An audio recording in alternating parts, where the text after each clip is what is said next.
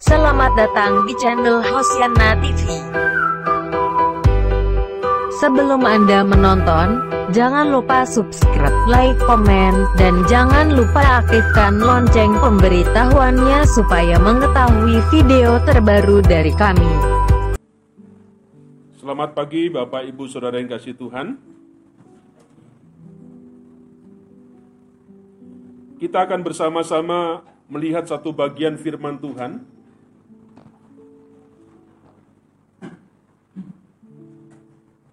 Di dalam kitab Wahyu pasal yang ketiga, ayat yang ke-14 sampai dengan ayat yang ke-22. Kitab Wahyu pasal yang ketiga ayat 14 sampai dengan ayat yang ke-22.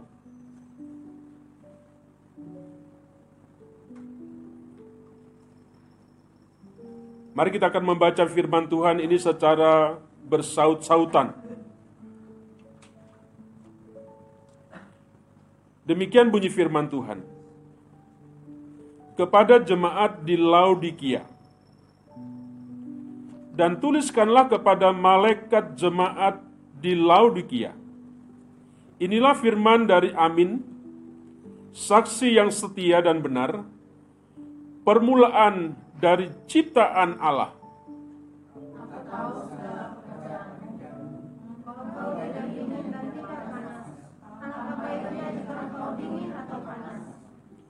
Jadi, karena engkau suam-suam kuku dan tidak dingin atau panas, aku akan memuntahkan engkau dari mulutku.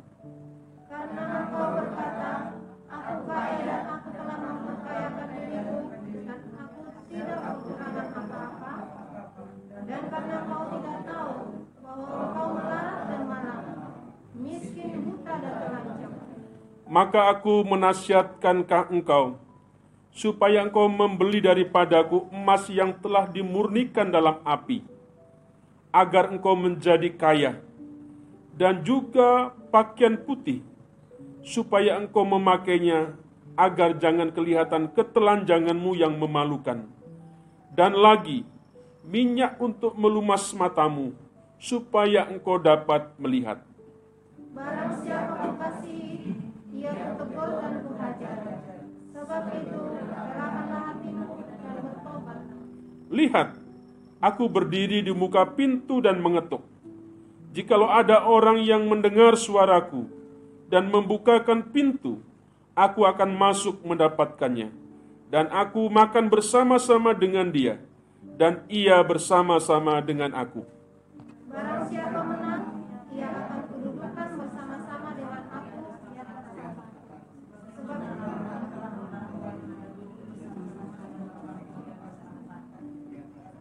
Siapa bertelinga, hendaklah ia mendengarkan apa yang dikatakan Roh kepada jemaat-jemaat.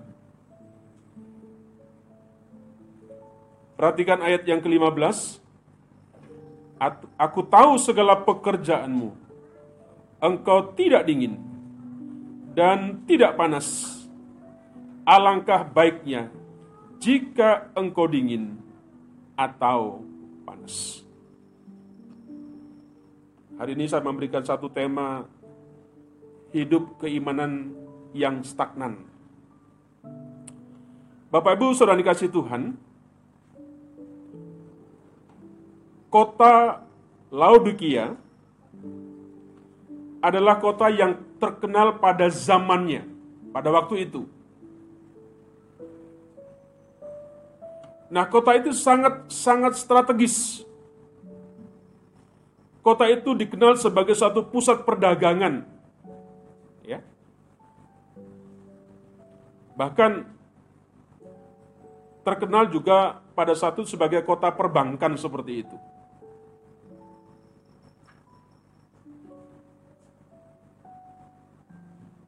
Kondisi kota itu kondisi kota yang yang seperti itu tentunya akan membawa satu dampak, membawa satu pengaruh ya. Khususnya tentang masalah ekonomi. kalau tempatnya sangat strategis, maka tentunya perekonomiannya juga akan menjadi baik.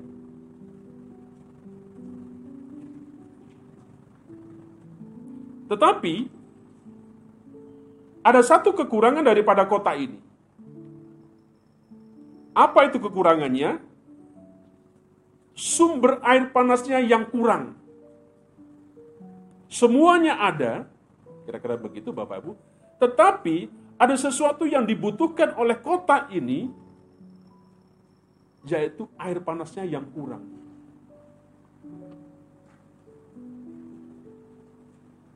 Kalau Bapak Ibu pergi ke mana ke, ke ke daerah di Lembang atau di Garut sana, ya Bapak Ibu di sana ada tempat air panas yang sudah sudah tersedia alami. Nggak perlu pakai apa kompor gas, nggak perlu di, di apa di, dibuat untuk mendidih tidak. Tetapi alami. Nah, kota ini seperti itu. Kurang air panas. Sumber air panasnya sangat kecil kira-kira begitu. Sehingga bagaimana supaya ada mata air, ada bagaimana supaya ada air hangat, air panas itu bisa mengalir kepada kota ini. Sehingga kira-kira dibuat saluran lah kira-kira seperti itu. Dari satu, dari satu tempat, dari satu kota, menuju kepada kota ini. Nah Bapak Ibu, di sepanjang perjalanan air yang panas ini, nyampe di Laodikia, di kota ini, tidak lagi panas. Itu kisahnya seperti itu. Ya, gambarannya seperti itu. Tidak panas, tetapi hanya hangat-hangat kuku. Dari sumbernya panas, mengalir, tetapi dalam perjalanan waktu, proses waktu dari pipa sampai menuju kota Laodikia, tidak lagi panas hanya anget-anget kuku. Nah, ayat Alkitab yang kita baca tadi Bapak Ibu menyebutkan bahwa soal air dingin, soal air panas, soal air yang suam-suam kuku. Dan itu hanya di kitab dalam, dalam kitab Wahyu, di kitab Ketalan tidak tidak menyebutkan seperti itu. Hanya di kitab Wahyu yang menuliskan tentang kondisi sebuah air. Ada yang panas, ada yang dingin, ada yang suam-suam seperti itu. Nah, apa yang mau disampaikan di sini Bapak Bu? Ya. Tuhan ingin memperingatkan kepada jemaat Kristen di Laodikia. Ya. Tuhan memberikan sebuah analogi sebuah gambaran tentang air panas yang tadinya mengalir dari satu kota sampai menuju Laodikia. Ada sebuah ke, ke, apa, penggambaran daripada kemiripan tentang bagaimana kehidupan umat-umat Tuhan yang ada di jemaat Laodikia. Bapak Ibu, jangan dipikir Laodikia tidak seperti yang ya, jemaat yang lain secara ekonomi sangat mapan. Kaya, nyaman, kira-kira begitu ya. Tetapi Bapak Ibu, ada yang menarik di sini. Nah, air yang dibutuhkan oleh oleh oleh orang-orang Laodikia ternyata satu gambaran di mana airnya ini tidak bisa bisa menyegarkan, tidak bisa menghangatkan tubuh, tetapi justru air yang diminum itu bisa membuat mual. Ya. Kepada siapa saja yang meminum air itu bisa membuat orang itu menjadi mual. Menjadi menjadi tidak nyaman.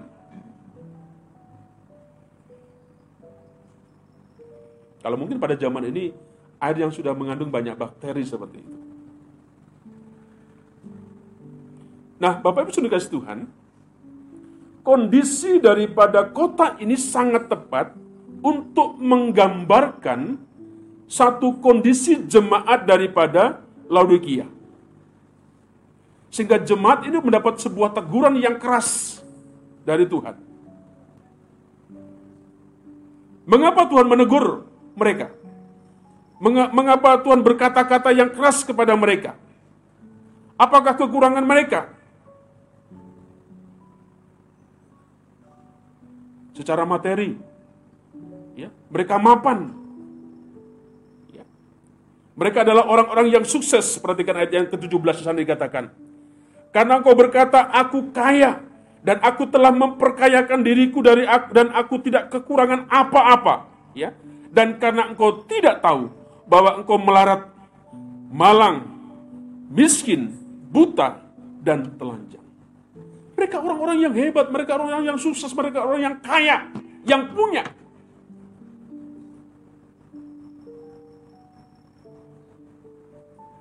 Tetapi apa yang dikatakan Tuhan? Justru dalam keadaan yang seperti itu dikatakan di situ firman Tuhan.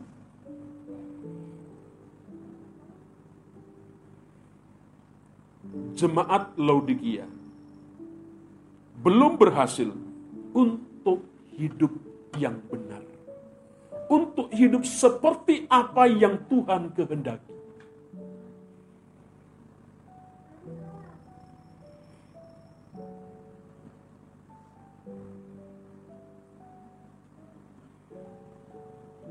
Hidup daripada keimanan mereka menjadi stagnan. Tidak ada sebuah perubahan. Walaupun mungkin pengiringannya sudah lama ikut Tuhan. Tetapi imannya tidak pernah naik. Tidak ada suatu perubahan, tidak ada suatu perkembangan yang mungkin Tuhan lihat tidak nampak kepada jemaat Laodikia ini.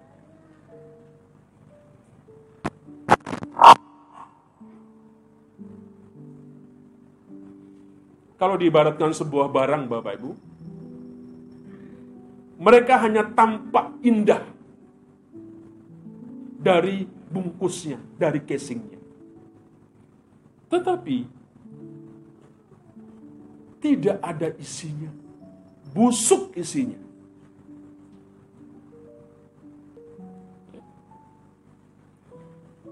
Nah, padahal dari satu sisi kita bisa melihat bahwa inilah tipe jemaat yang aman sebenarnya.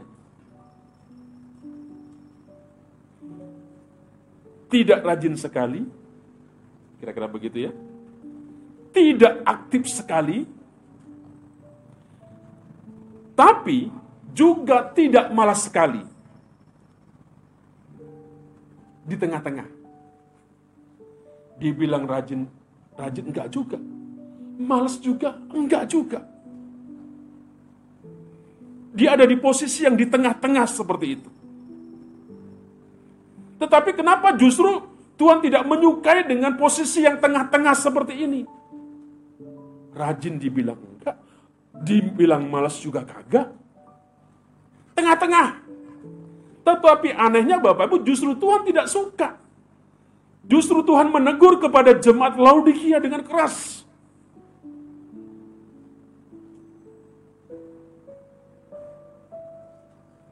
Makanya ada gambaran yang dituliskan di situ Bapak Ibu.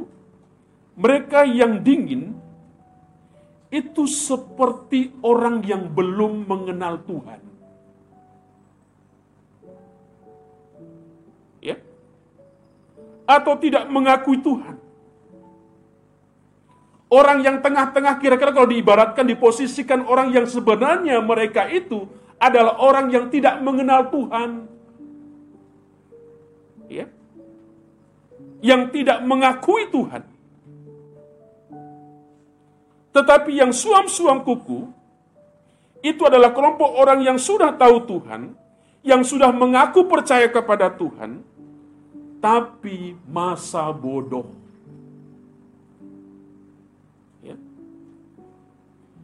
Ini ini sesuatu yang yang yang yang dahsyat begitu ya. Ini sesuatu yang biasa dalam kalau kalau itu menjadi satu penggambaran daripada kehidupan keimanan kita.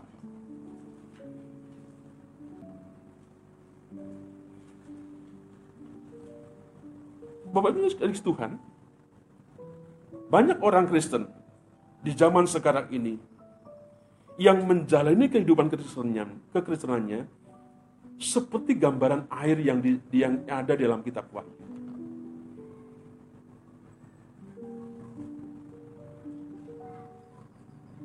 Yang suam-suam kuku, yang tidak panas atau tidak di tidak dingin.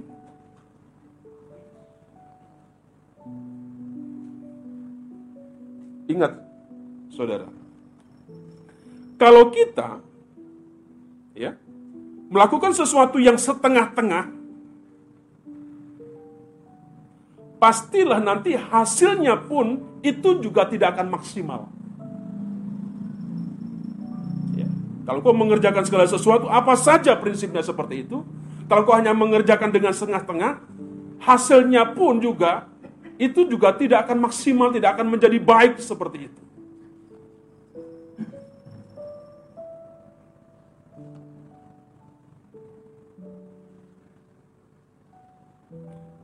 Kalau kau mengerjakan apa sajalah. Kalau kamu me me menjadi apa saja.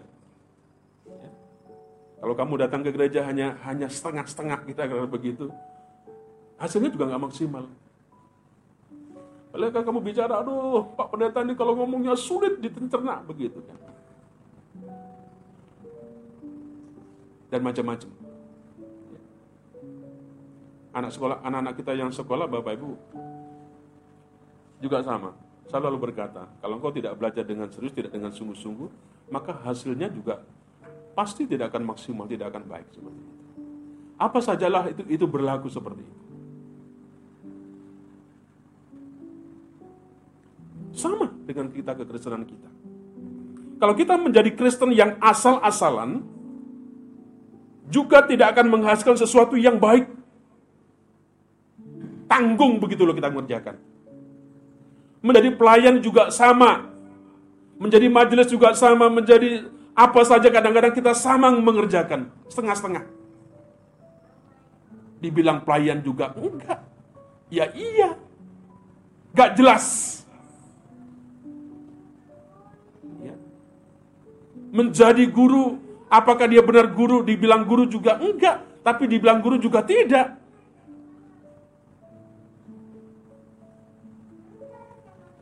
Nah, Bapak Ibu yang dikasih Tuhan, itu kondisi yang mari kita saya ingin mengajak kepada kita untuk kita belajar bersama-sama untuk mengingatkan kepada setiap kita.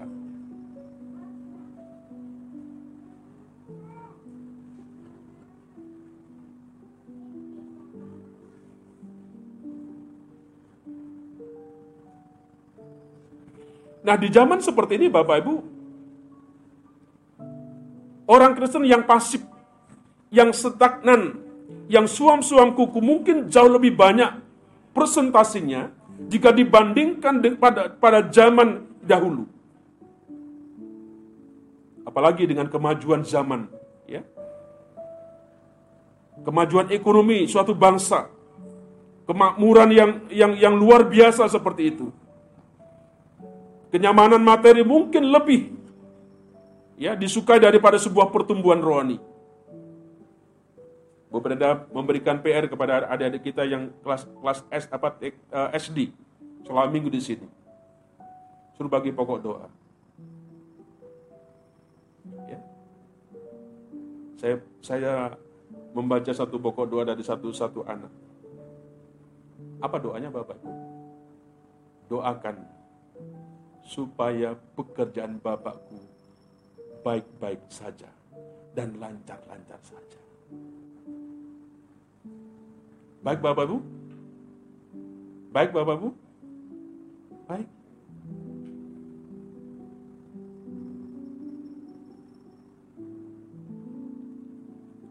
Kalau kita doa ada gitu, jangan hanya minta supaya Bapak kita bekerja. Itu harus. Itu sudah bagus. Tetapi ada sesuatu yang lebih bagus lagi kita minta sama Tuhan. Dan saya ingin melihat, saya ingin mendengar itu dituliskan oleh anak-anak kita. Pak Pendeta, Bu Pendeta, tolong bantu supaya bapakku ini rajin ke gereja. Kira-kira begitu. Berkat, berkat, berkat. Saya berkata, itu itu sudah pasti. Ya. Ada sesuatu yang mungkin jauh lebih penting seperti itu.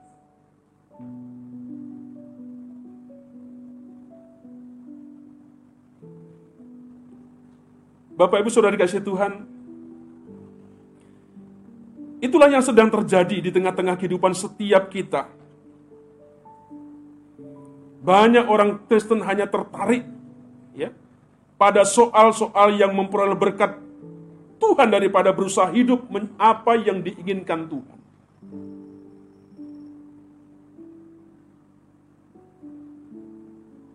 Ada ada sebuah kebanggaan kalau anakku setia sama Tuhan, taat sama Tuhan, mengerjakan apa Tuhan. Artinya Bapak Ibu, doa-doa kita kadangkala sifatnya hanya umum yang biasa-biasa yang duniawi.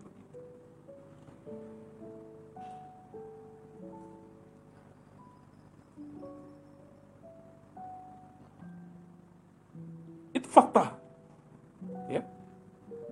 Nah, mereka mereka itu tidak menyadari bahwa orang-orang orang yang benar ber, benar beriman tidak hanya sekedar ikut-ikutan tetapi dia harus giat ya untuk melakukan ya untuk bagaimana dia bisa memuliakan Tuhan.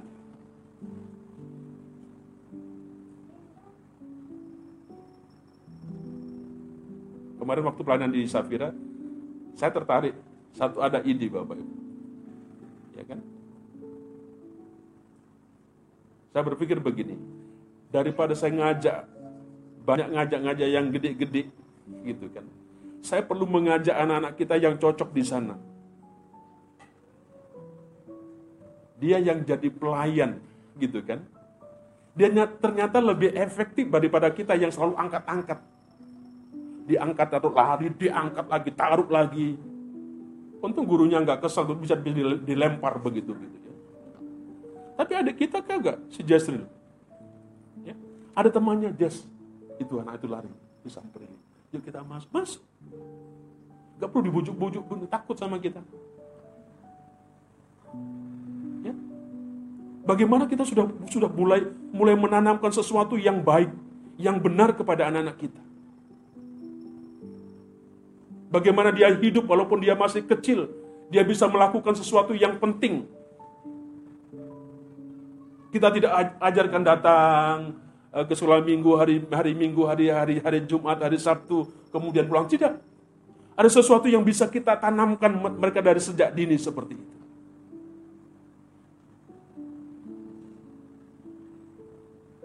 Itu fakta Bapak-Bapak hari ini. Orang lebih senang mengejar tentang sesuatu berkat-berkat dan berkat daripada bagaimana dia hidup untuk sungguh-sungguh melakukan, mempraktekkan apa yang Tuhan mau.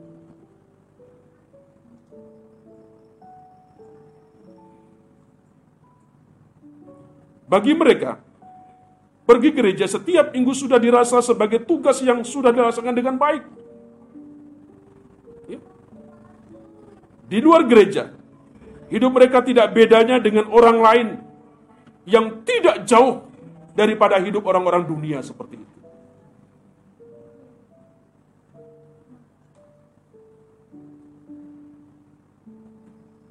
Di depan pakai jas, pakai dasi. Haleluya, begitu. Tapi di luar sana begitulah kira-kira. Mereka hanya mengenal Tuhan dari cerita orang lain tetapi tidak punya pengalaman pribadi dengan Tuhan. Celakanya mereka tidak sadar bahwa di hadapan Tuhan mereka adalah orang-orang yang melarat. Orang-orang yang miskin, orang-orang yang malang, orang-orang yang buta, orang-orang yang telanjang. Sehingga dikatakan firman Tuhan tadi, bertobatlah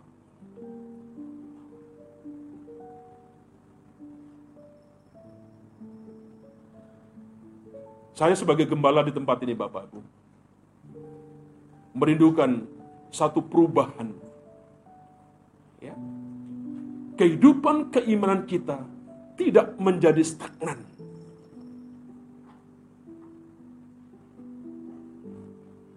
Dan ketika saya mulai berbicara, saya boleh melihat satu respon dari masing-masing kita. Dia yang mendengar. Dan tidak hanya mendengar, tetapi mereka mencoba menerapkan apa yang saya perkatakan. Saya lihat respon beberapa ketika saya memberikan sebuah statement, memberikan sebuah pernyataan, memberikan sebuah penegasan kepada setiap kita. Ya. Bapak Ibu, saya tidak mau berkata bahwa jemaat Hosiana itu ada jemaat yang miskin. Hosiana itu adalah jemaat yang juga kaya. Jemaat yang juga yang bisa diperhitungkan. Tapi persoalannya Bapak Ibu, apakah kita ini merupakan satu gambaran daripada kemiripan kerohanian kita dengan jemaat di Laodikia? Yang tidak panas, yang tidak dingin, tetapi hanya suam-suam kuku.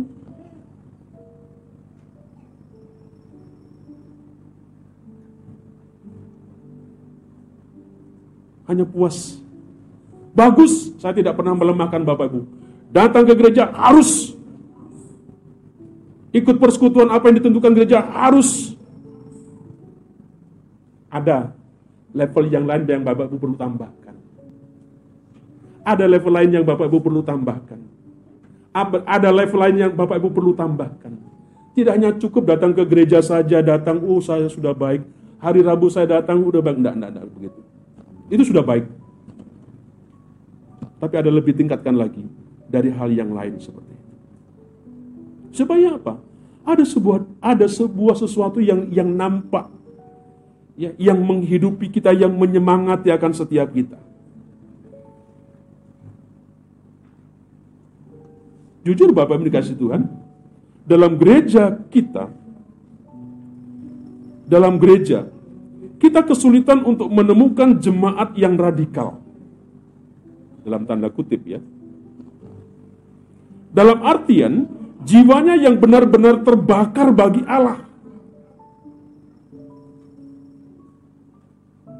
Semangatnya yang membara untuk membawa Injil ke ladang Tuhan kepada misi Tuhan. Saya berkata kepada anak-anak SD, Bapak Ibu, pada hari Jumat yang lalu, saya bilang, Pak Pendeta lama yang nggak pernah ngajar sama kamu. Kadang-kadang saya membayangkan begitu. Pak Pendeta sudah umurnya sudah 50, 52 tahun. Masih harus cerita kingisan dengan anak-anak kecil. begitu kan. Kadang aku membiarkan lucu juga ya, sudah tua, tapi masih cerita kepada anak-anak begitu. Apalagi di Grand Safira ya, masih kecil-kecil. Saya berkata kepada anak-anak kita yang sekolah minggu, nanti kalau Pak Pendeta sudah mati, Bu Pendeta juga sudah mati, Bapak Mama pun mati, siapa yang meneruskan gereja ini? Saya bilang begitu. Saya bilang satu teman, kamu yang meneruskan. Enggak Pak, enggak mau Pak Pendeta, aku gak bisa. Lalu terus gimana dengan gereja ini?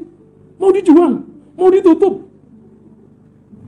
Ada satu bilang, saya Pak Pendeta yang akan meneruskan. Itu rasanya bangga.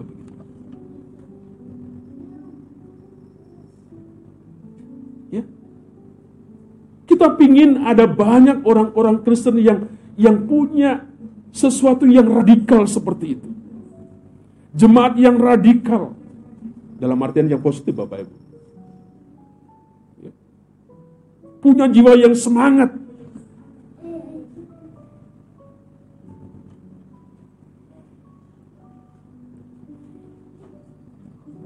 kursi-kursinya menjadi dingin. Tempat duduk kita menjadi dingin.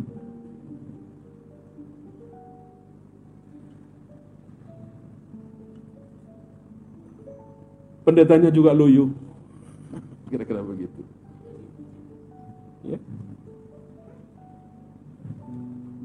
Yang ada hanyalah sebuah ritual yang mati sama sekali tidak ada satu satu denyut nadi dalam kehidupan di dalam suatu satu persekutuan dalam kita beribadah di hadapan Tuhan. Bapak Ibu kasih Tuhan, ini kita harus bertobat dari yang namanya dosa kesuaman. Saya mengajak kepada setiap kita untuk stop berhenti. Sudah tidak layaknya lagi, tidak waktunya lagi. Kita ada dalam fase kesuwaman.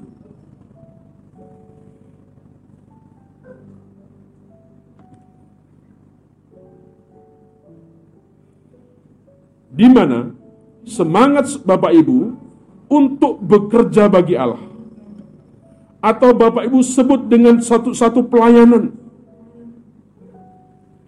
Gak usah membanggakan pada pada masa lalu dulu waktu saya masih muda, saya begini tidak. Tuhan Tuhan sekarang ingin melihat bagaimana kehidupan kerohanian kita. Apakah semakin menyala-nyala dari hari ke hari? Kalau tidak, maka Tuhan akan berurusan dengan saudara.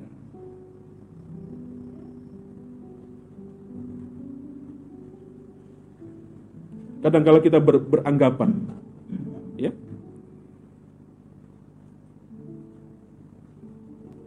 kita sering kali mengira kalau itu membunuh, mencuri, bersina dan lain sebagainya adalah dosa yang harus dikikis habis dari hidup orang benar. Tetapi kita lupa Bapak Ibu yang dikasih Tuhan, ya.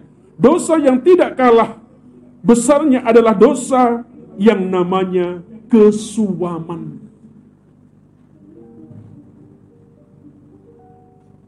Sebab kenapa? Menjadi orang Kristen yang suam-suam kuku, apa yang dilakukannya hanyalah menghasilkan satu pribadi yang setengah jadi. Padahal Bapak Ibu, Tuhan mau supaya kita menyelesaikan pekerjaannya dengan sempurna dengan baik.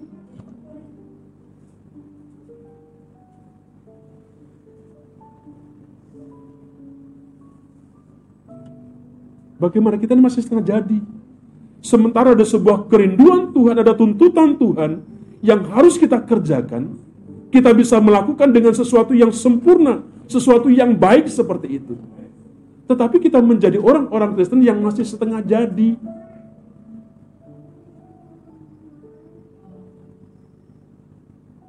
Ada kata seperti begitu kan. Jadikan aku seperti suami. Jadi kadang-kadang suami kita seperti kayak bayang-bayang kita punya suami. Atau istri dan sebagainya.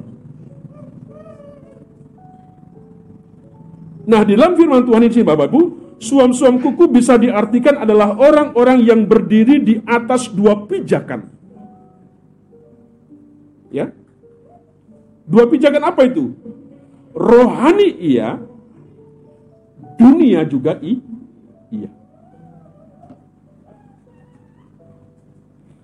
Alangkah baiknya tadi dikatakan firman Tuhan, jika engkau dingin atau apa? Panas. Sebab Tuhan tidak mengenal apa yang namanya kata kompromi seperti itu. Tuhan mengatakan bahwa ada harga yang harus kita bayar untuk mengikut Tuhan. Penyangkalan diri kita. Ya. Pikul salib kita. Ayat 16 tadi dikatakan, Jadi karena engkau suam-suam kuku dan tidak dingin atau panas, aku akan memuntahkan engkau dari mulutku ayat yang ke-16 dikatakan seperti itu. Nah, orang percaya harus punya sebuah ketegasan. Dikatakan firman Tuhan, barang siapa yang berbuat jahat, biarlah ia terus berbuat jahat. Barang siapa yang cemar, biarlah ia terus cemar. Dan barang siapa yang benar, biarlah ia terus berbuat kebenaran. Barang siapa yang kudus, biarlah ia terus menguduskan dirinya. Harus ada sebuah ketegasan. Kita tidak bisa menjadi pengikut-pengikut Kristen, laskar-laskar Kristus yang setengah jadi.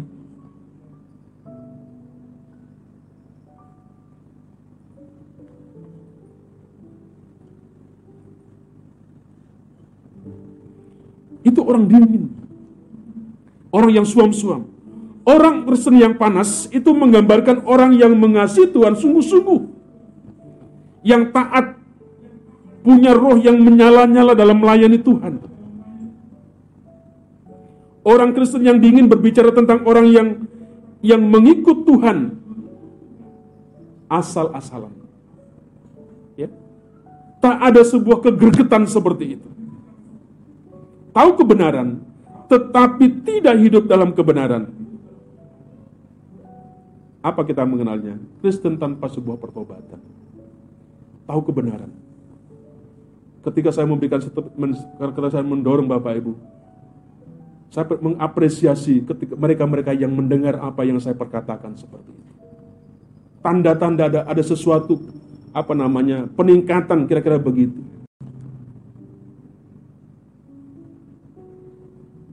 Bapak Ibu, bagaimana dengan kita saat ini?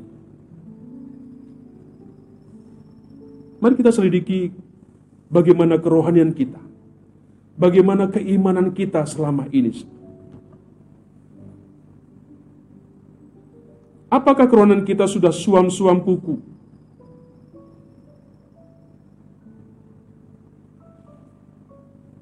Apa tandanya kalau kita ini suam-suam kuku? Kita sudah kehilangan sebuah gairah dalam perkara-perkara rohani.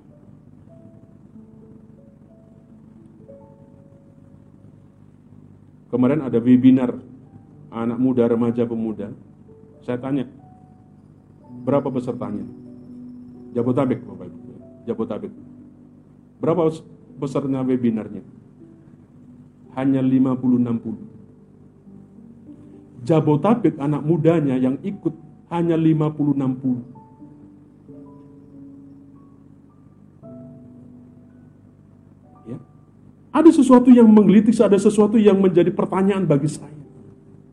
Jabotabek anak remaja pemudanya hanya 50-60 yang ikut webinar. Apa bisa kok bisa seperti ini? Kita diam-diam kita diskusi di sini. Bisa jadi mungkin karena waktunya yang salah, yang kurang tepat. Siapa tahu kalau malam anak-anak kita itu ada. Sehingga mungkin banyak yang ikut seperti itu. Dan lain-lain. Tetapi ada sesuatu yang saya saya takut seperti itu tidak ada sebuah keantusiasan untuk belajar sesuatu yang baik.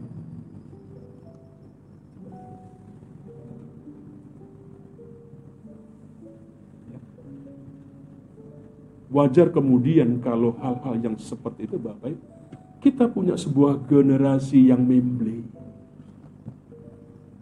Kalau kita diskusi, ya, kalau kita berapologet tentang sesuatu, mungkin kita cacing wahai. Kenapa? Karena otak kita, ilmu kita minim.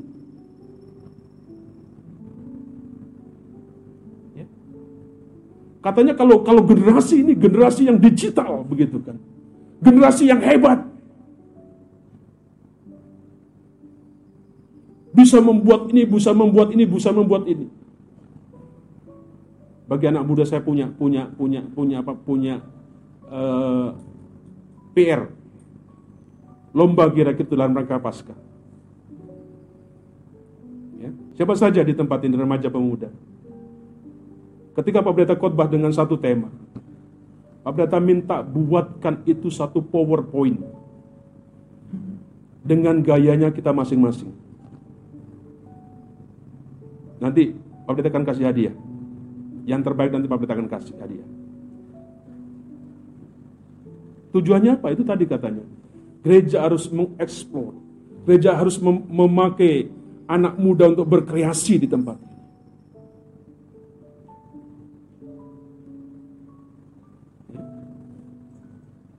Saya berkata tadi malam pada anak muda, buat apa uh, konten tik, TikTok. Saya bilang TikTok. Iya, katanya begitu. TikTok bagi saya pemahamannya kurang bagus begitu.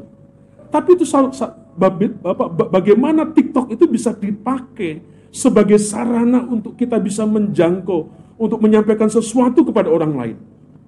Dengan cara yang seperti ini. Ada kawat di sini. Oh bisa kata, bisa pendeta. Begini-begini Tuhan Yesus kata begitu. Saya nggak tahu lah. Ya, pantesan kalau selesai ibadah, anak muda kita kemudian cepat-cepat di depan sana Ada apa saya bilang begitu? Mejeng-mejeng begitu. Bapak Ibu,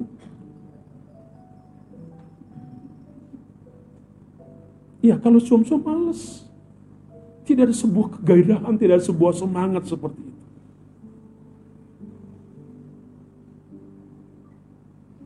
Kita hanya datang ke gereja, kita datang hanya persekutuan, sebuah kewajiban.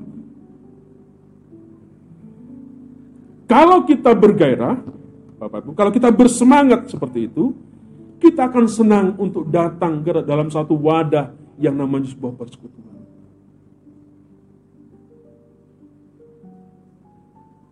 Selalu rindu. Bukan karena PRT-nya Bu Kinting menyiapkan apa namanya martabak telur. No, bukan itu. Ya. Tetapi ada sebuah kerinduan yang kita ingin datang, yang saya ingin belajar, yang saya ingin dikoreksi oleh Tuhan tentang sebuah kehidupan saya. Supaya saya, saya ada sesuatu yang yang yang baru yang saya ingin belajar dan saya ingin belajar seperti itu.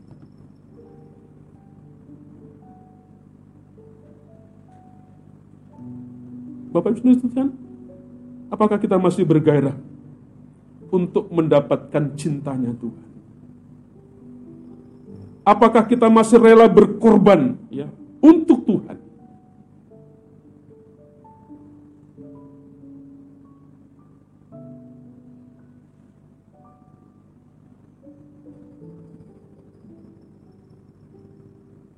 Apakah kita rela berkorban untuk Tuhan?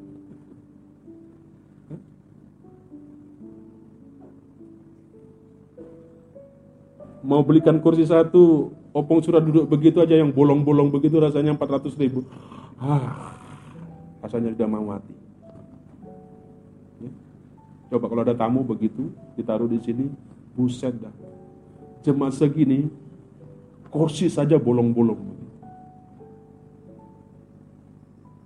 Kita bisa? Terlalu bisa sebenarnya. Kenapa? Pertanyaan itu tadi, apakah ya kita ini masih rela berkorban untuk Tuhan. Apakah kita masih terbuka untuk firman Tuhan untuk diselidiki? Tadi kata firman Tuhan di situ apa dikatakan? Barangku siapa ku kasihi, ia ku tegur, ku hajar, sebab itu relakan hatimu dan bertobat.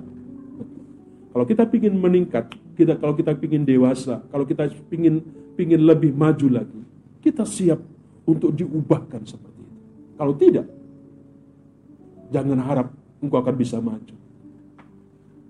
Ya. Jangan hanya Pak Pendeta saja perutnya yang maju.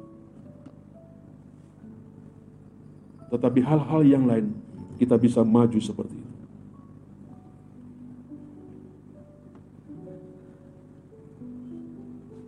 Apakah ada istilah yang baru yang kita bisa kita kenakan kepada orang-orang yang seperti ini? Kepada orang-orang yang hanya mengaku percaya kepada Allah, tetapi tidak peduli akan Allah dalam kehidupan sehari-hari. Mereka sepatutnya mereka disebut sebagai orang-orang yang apatis. Orang-orang yang stagnan, yang tidak ada setebu sesuatu kemajuan seperti itu. Dengan bahasa yang agak ini bahasa adalah istilah kemasa bodohan.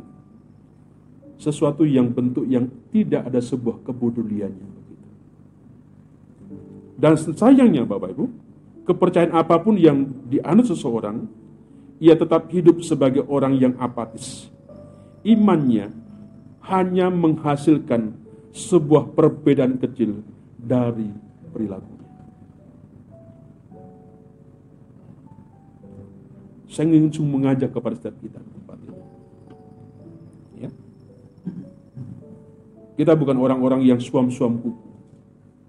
Kita bukan orang yang asal-asalan, kita bukan orang-orang yang setengah. Mari saatnya kita jemaah di tempat ini Bapak Ibu, kita mulai bangkit. Mari kita mulai ada sesuatu yang baru yang kita mau kerjakan. Apa yang saya mau mengharapkan? Kita tidak boleh stagnan. Kita tidak hanya boleh puas hanya di satu sisi saja. Mari kita berlomba-lomba dalam hal yang positif.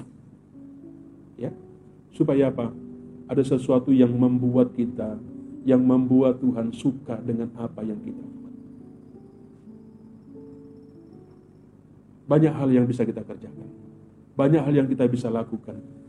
Mari kita memberi diri. Mari kita lebih lagi ya, dalam kita melayani akan Tuhan. Biarlah Tuhan yang akan menolong kepada setiap kita agar tetap kita bergairah, agar kita tetap bersemangat ya dalam kita mengiring akan Tuhan. Seperti kata firman Tuhan, barang siapa ku kasihi, ia kutegur, dan ku hajar. Sebab itu relakanlah ya, hatimu dan bertobatlah, berubahlah.